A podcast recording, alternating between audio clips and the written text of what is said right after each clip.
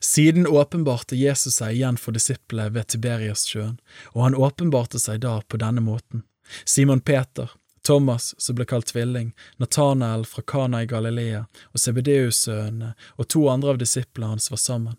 Simon Peter sa til de andre, Jeg går av sted for å fiske. De sier til ham, Vi går også med deg. De gikk av sted og steg i båten, men den natten fikk de ingenting.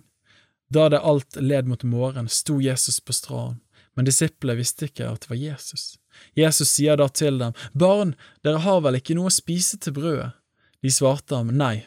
Han sa til dem, Kast garnet på høyre side av båten, så får dere fisk.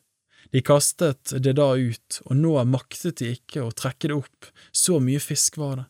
Den disippel som Jesus elsket, sier da til Peter, Det er Herren. Da Simon Peter hørte at det var Herren, bandt han kappen om seg, for han var naken, og kastet seg i sjøen. Men de andre disiplene kom etter i båten. De var ikke langt fra land, bare omkring 200 al, og de slepte garnet med fiskene etter seg. Da de var steget på land, så de en kullild der, som det lå fisk på, og brød. Jesus sier til dem, Kom hit med noe av fisken dere nå fikk. Simon Peter gikk da om bord og dro garnet på land. Det var fullt av stor fisk, 153 stykker. Men ennå det var så mange, hadde ikke garnet revnet. Jesus sier til dem, Kom få dere morgenmat. Men ingen av disiplene våget å spørre ham, Hvem er du? For de visste at det var Herren. Jesus kommer og tar brødet og gir dem, og likeså fisken. Dette var tredje gang Jesus åpenbarte seg for disiplene etter at han var reist opp fra de døde.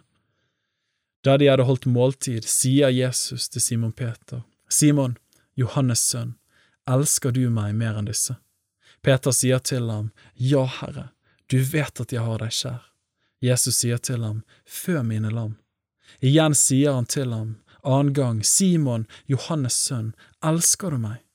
Han sier til ham, Ja, Herre, du vet at jeg har deg kjær. Han sier til ham, Vokt mine får. Han sier tredje gang til ham, Simon, Johannes sønn, har du meg kjær? Peter ble bedrøvet over at han den tredje gangen sa til han, Har du meg kjær? Og han sier til ham, Herre, du vet alt, du vet at jeg har deg kjær. Jesus sier til ham, Fø mine får. Sannelig, sannelig sier jeg deg, da du var yngre, bandt du selv opp om deg og gikk dit du ville. Men når du blir gammel, skal du rekke ut dine hender, og en annen skal binde opp om deg og føre deg dit du ikke vil.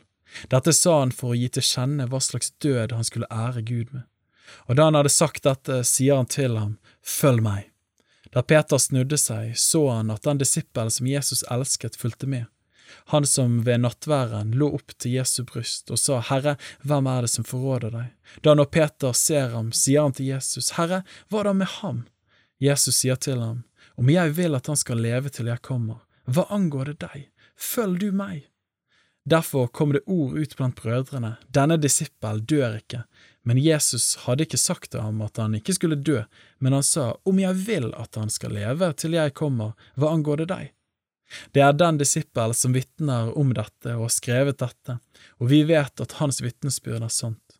Men det er også mye annet som Jesus har gjort. Skulle det skrives ned, hver ting for seg, da mener jeg at ikke hele verden ville romme de bøkene som da måtte skrives.